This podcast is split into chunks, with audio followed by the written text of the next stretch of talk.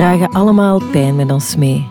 We kunnen van de pijn wegvluchten door ze te verdoven of we kunnen ze recht in de ogen kijken en helen.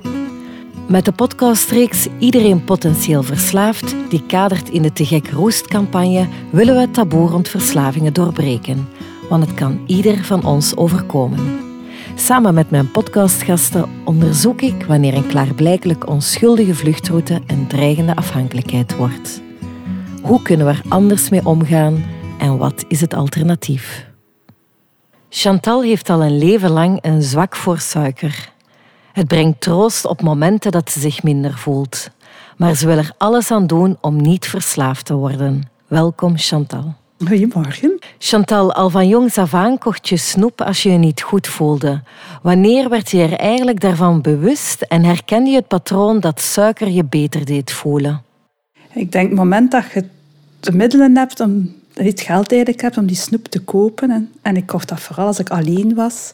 Eerst zo'n beetje uit de rebellie van dat mag niet. Ik ga dat doen. En dan eigenlijk, ja, dat stopt niet maar één snoepje. Hè. Dat zou het nog goed zijn, maar dat was een zak snoep. En dat moest op zijn. Dat moet ook altijd op zijn. Ik heb geen snoep in huis, want het is op. Dat is niet correct, hè? En hoe oud was je toen, toen je bent beginnen snoepen oh, Ik denk wel uh, dat geniepig snoepen, dat was toch zo in de puberteit. Hè? Ja, eerst de zakgeld of zelf geld nemen, het potje dat op de kast staat. Mhm. En daar dan uh, iemand om snoep mee sturen. Of zelf een fiets nemen en achter snoep gaan. Mm -hmm. Het zit zo'n beetje ook avontuur in. Zo van, het mag niet, dat ik ga het toch doen. Mhm. ja. En voel je je als puber goed in je vel? Nee, helemaal niet. Nee, nee, nee, nee, nee. nee, nee het was helemaal geen gelukkige jeugd bij ons thuis. Ja. En was dan snoep een manier om... om... Uh, ja, ik heb ook geweten dat mijn mama ook snoep kocht. En dat zat in een hoge kast in de keuken. En we moesten daar echt acrobatische toeren voor doen. Op de kast gaan staan en dan uw arm uitsteken. En dan hadden we haar snoep gevonden. En ja, ik denk dat dat een beetje het ongelukkige huwelijk eh, symboliseert. Dat haar dochters en zijzelf eigenlijk wel nood hadden aan uh, die snoep. Hè. Dat was zo van, dat is van mij. En dat is niemand die dat weet. En dat doet mij deugd. En wat bracht jou dat? Of Misschien moet ik zeggen, wat brengt jou dat suiker? Ik heb nog een keer extra geobserveerd nadat je mij gebeld hebt. Ik dacht, wanneer doe je dat nu precies? Ik dacht, kijk, ik ben er nu weer aan begonnen. Een snoepje eten op een dag, dat is niks. Mhm. Maar ik eet er twee, als een ander er één eet. En dan denk je van, ja, dat is er wel één extra dat niet nodig is. Dus het is niet van dat beetje suiker, het is van nog en ik ga niet stoppen. Dus... Uh, zet daar een potje snoep, vraag aan de vriendinnen van, neem een snoepje, neem een pralinetje. Op het eind van de rit zal ik er het meest van al opgegeten hebben. Mhm. En dan denk ik van, ja, één, dat is eigenlijk niet zo beleefd. Maar toch trek ik me dan niet aan. dacht, ik ga nog een pralinetje pakken. Mm Het zijn lekkere, dat is goed, dat is voor mij. dus ik weet eigenlijk niet echt waarom dat ik dat dan doe. Want op dat moment ben ik wel gelukkig. Hè? Het is plezant met de vriendinnen en toch ga ik het meest gesnoept hebben. Is er een moment geweest in jouw leven dat je besefte van ik heb misschien wel een issue met suiker en ben er niet zo onafhankelijk van als ik denk? Ja, ik ben daarop gewezen geweest als klein kind al. Ik had zo een suikerbuik. Zoals een sportief klein meisje hangt er daar altijd een buikje aan. Kan toch niet zo'n kind dat goed eet? Dat mag. Maar altijd zo dat buikje, eigenlijk noem ik dan een suikerbuikje van uh, die extraatjes er elke keer bij. Of te overdrijven. Als mijn mama pudding maakte, die ze daarvoor uh, een beetje suiker erop. Ja, ik had niet één puddingske, ik had er twee. Mijn mama moest zeggen, stop met puddingskes eten.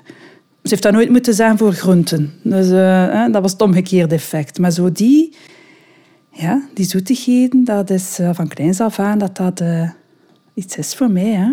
En wanneer ben je gaan beseffen dat jou dat troost gaf als kind op momenten dat je je echt ongelukkig voelde? Want je zegt, ik heb geen gelukkige Als kind zal ik dat niet geweten hebben. Hè? Mhm. Dat is uh, een beetje de rebellie dat je erachter zoekt. Maar het is eigenlijk al heel vroeg. Ja, aan, onze tijd werden wij opgevoed met suiker. Hè? Er werd suiker op de worteltjes gedaan. Denk misschien ook wel honing op je toetje. Dus dat zit er eigenlijk al in gebakken van kleins af aan dat suiker een troostmiddel is.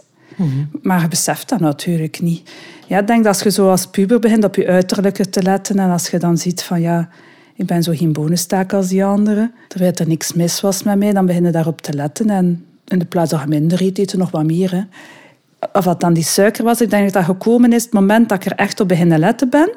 En dat is eigenlijk als ik op kot zat. Dan zat ik, uh, was ik lid van de klimclub. En dat zijn allemaal graadmagere spritten. En uh, die ontzeggen zich echt wel heel veel dingen in het eten. En dan moest ik eigenlijk die suiker laten. Hè. En dat was van, ah ja, geen klontjes suiker in de thee. Ah ja, hm. ja dat gaat eigenlijk ook wel. Maar dat is niet hetzelfde. Hè. En zo word ik eigenlijk alert van, van uh, ja, ik doe er toch wel veel op. Hè. Mm En lukte dat dan om daar ja, ja, toen had ik een doel voor ogen. Ik was heel streng voor mezelf. Mm Te streng natuurlijk. En um, dat was eigenlijk ook vooral voor dat ideaalbeeld te, te krijgen. Hè? Maar dat niet inzien dat er gewoon verschillende lichamen bestaan. Ik wilde ook zijn gelijk die anderen en ook kunnen presteren en eigenlijk ook gezien willen zijn. Mhm. En dan die ontbering aangaan van geen suiker. Ik heb me dat nog een keer ontzegd als ik zwanger was. Ik dacht, dat gaat geen waar zijn dat ik hier zo 20 kilo bij kom van de hoesting. En, ah ja, en dan weten dat je graag suiker eet. Dus dan stond ik eigenlijk voor mezelf op gezond dieet.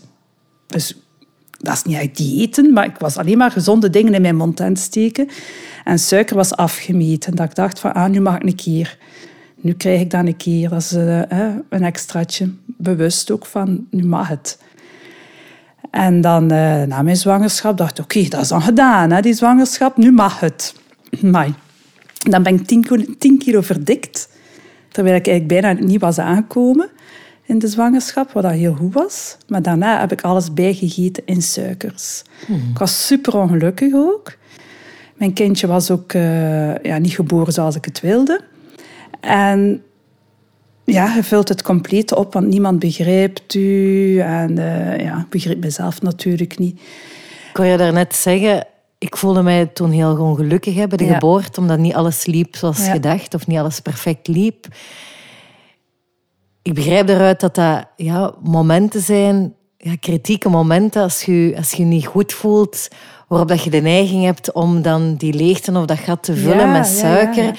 Heb jij gaandeweg um, alternatieven gevonden om, om die leegte op te vullen, behalve dan met suiker? Of, of zijn dat nog kritieke momenten voor jou? opvullen, dat zag ik toen nog niet. Ik had mhm. dat nog echt niet door. En ik heb wel beseft dat ik nog een keer verzwaard was daarna. Dus ik ben, ik ben aan een dieet gaan volgen. Maar gewoon een dieet van correct eten. Dus die suiker viel er al af. En dan krijg je zo vervangsuikers. En dat is eigenlijk ja, chemisch. Daar was ik al helemaal niet voor. Ik dacht chemische suiker, chemische lightdrankjes, die, die aspartaam dingen, dat moet ik niet hebben. Dan moet eigenlijk wel op de rem gaan staan voor de suiker. En dan is er zoiets uh, gelukkig. kwam dan stevia op de markt. En als je dat eet, dat smaakt eigenlijk helemaal niet naar suiker. Maar je weet, ja, ik heb mijn eigen getroost met de gedachte en dat is dan eventjes goed, maar daarna valt dat wel weg. Maar ik had nog helemaal geen idee dat dat de leeg te vullen was met suiker. Wanneer is dat besef gekomen? Ja, als ik in ontwikkelingscursussen ging. Hè. Mm Dat is het eerste dat mij eigenlijk ja, voorgeschoteld werd. Hè, van kijk, we komen op de wereld volledig en compleet, maar er komen daar wel een beetje barsten en haten in. En dat ik heel grote haten heb van bij mijn opvoeding. En dat, ja, dat eigenlijk normaal is dat je die opvult, maar dat je die beter kunt helen. Dat dat dan wel beter is.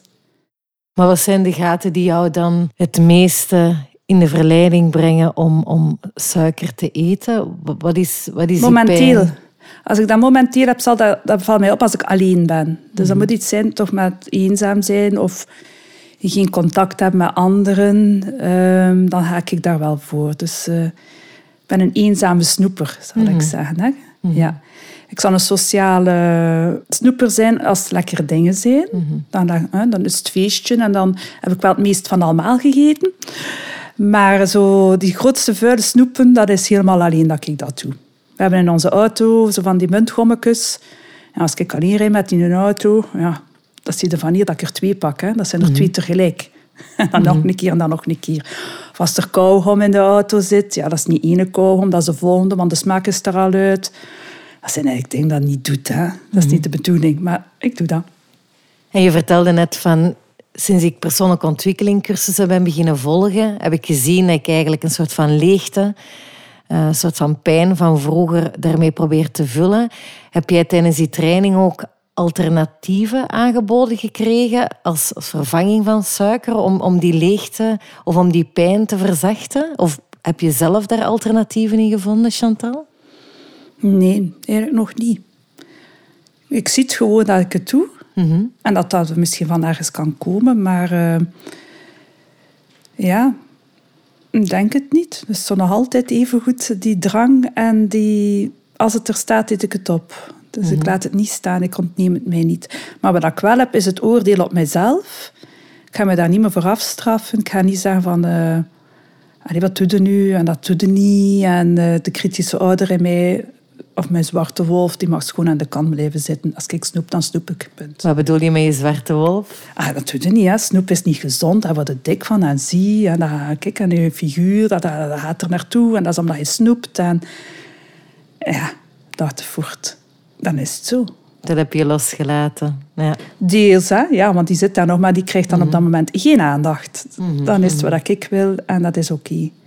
Natuurlijk moet ik niet overdrijven, hè, want als ik in de winkel sta, het water staat echt in mijn mond. Als ik in de afdeling passeer, van oh, en die zijn zo lekker en oh, en die gaan vlug binnen en die mhm. blijven nog... Hè. Mhm. Ja, dan, dan uh, moet je ogen dicht doen en doorlopen. Mhm. Ja. Chantal, zijn er nog periodes waarin jouw drang naar suiker groter is?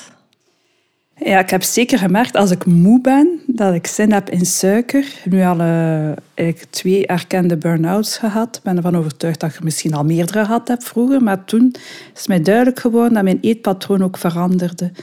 En dat ik die mhm. suiker echt nodig had om eigenlijk, uh, ja, staan te blijven. Alle ophepmiddelen heb je dan nodig, zoals koffie. Ik heb tien jaar geen koffie gedronken, begon weer koffie te drinken.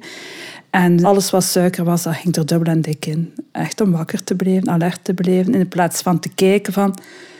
Wat is er nu echt aan de hand? Wat heb je nu echt nodig? En dat was puur rust. Mhm. Dan heb je geen zin in suiker. Mhm.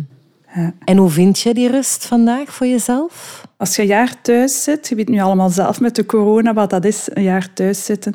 Als je een burn-out hebt, zit je ook thuis en sluit je helemaal af van de wereld dat heb ik toch gedaan. En eigenlijk moet je de dingen doen die je heel graag doet. Waar je echt zin in hebt. Wat je als, als klein kind graag deed, dat blijft in je leven aanwezig. En, wat zijn de dingen die jou energie geven? Ja, dan moet je op zoek gaan. Hè. In het begin vinden dat zeer moeilijk. Mhm. Want als je een burn-out hebt, dan uh, koken zelf, dat lukt niet meer.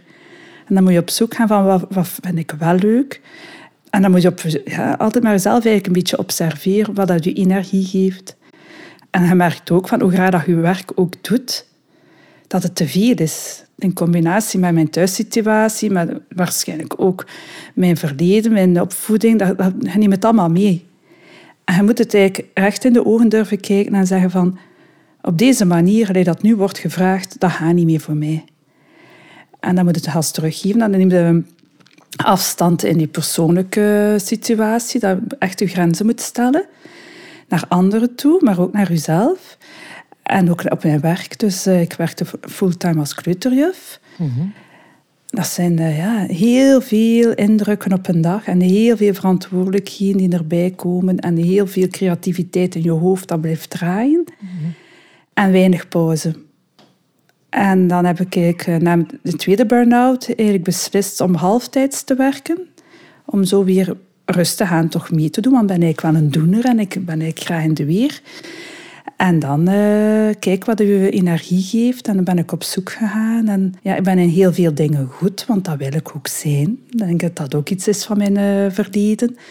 Alles goed willen kunnen en alles goed willen doen, maar ik ben in niks de beste. Moet dat ook aanvaarden, hè? dat is ook belangrijk, dat er veel goede mensen zijn.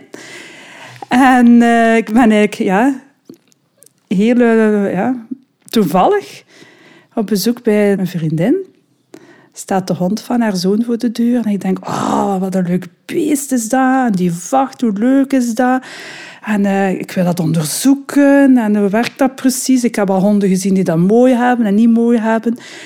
En ik ging naar huis met een happy, happy smile. En ik dacht, ja, onderzoeken. Wat doet dat met mij?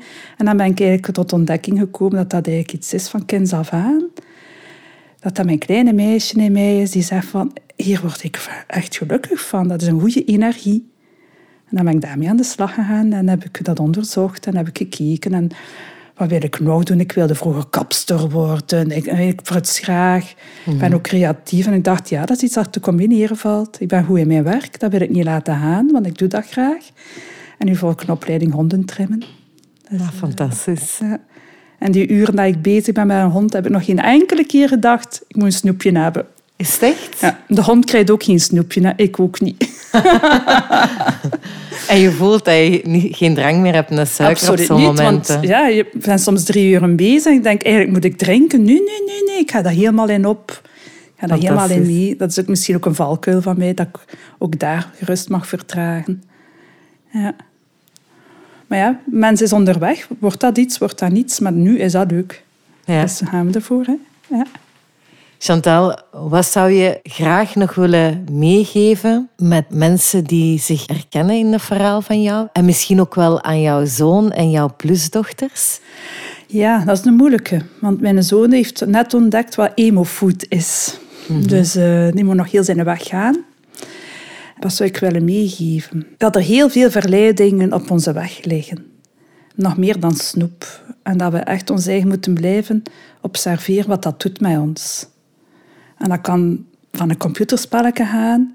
Dat kan gaan over je gsm hanteren. Dat kan even gaan over suikers. Want dat ligt daar allemaal in de winkel en niemand beschermt u daarvoor. Je moet je ja, jezelf echt beschermen. En als je puber bent, dan komt dat allemaal op je af en je denkt, je moet daar aan meedoen, hè, want anders ben je niet mee. En snoep, ja, dat is iets sociaal aanvaardbaar, maar zo zijn er ook ja, sigaretten. En dan zie je mensen rondom je die verslaafd zijn en die willen dat allemaal niet zijn. Hè. Er is geen één die zegt, joepie, ik, rook al 30 jaar, ben ik blij. Niemand niet. Maar dat begint op een punt dat je zegt, ik doe mee of ik doe niet mee. En als puber heb ik dat ook gedaan. Hè. Moet ik een sigaretje roken. Hè. Ja, ja, ja. Tot op het punt dat je zegt, ik kan niet blijven vragen van een ander. Ik ga er zelf kopen. En dan wist ik van, ola, ik ga een pakje sigaretten kopen. Dat is het eerste, maar het laatste. En nu stopt het. En het kan wel heel hard zijn voor mezelf daarin. Maar ja, moet ook een beetje mild blijven. Hè. Als, ja, dus, ja, met snoep is dat, dan kun je nog een beetje mild blijven, maar ja, je moet voor jezelf goed zorgen. En uh, nee durven zeggen is een eerste stap. En dat begint met heel kleine dingen. Mm -hmm. ja. Oké. Okay. Dankjewel, Chantal. Graag gedaan. Deze podcast kadert binnen de Te Gek Roes-campagne een jaarcampagne van Te Gek in samenwerking met VAD, De Druglijn, Museum Dr. Gislin en Unique ID. Praten over problemen met drank, drugs, medicatie, gokken of gamen is moeilijk. Heb je vragen of ben je bezorgd om iemand? De Druglijn is er voor jou via www.druglijn.be of anoniem, zonder taboe, zonder oordeel op het nummer 078 15 10 20.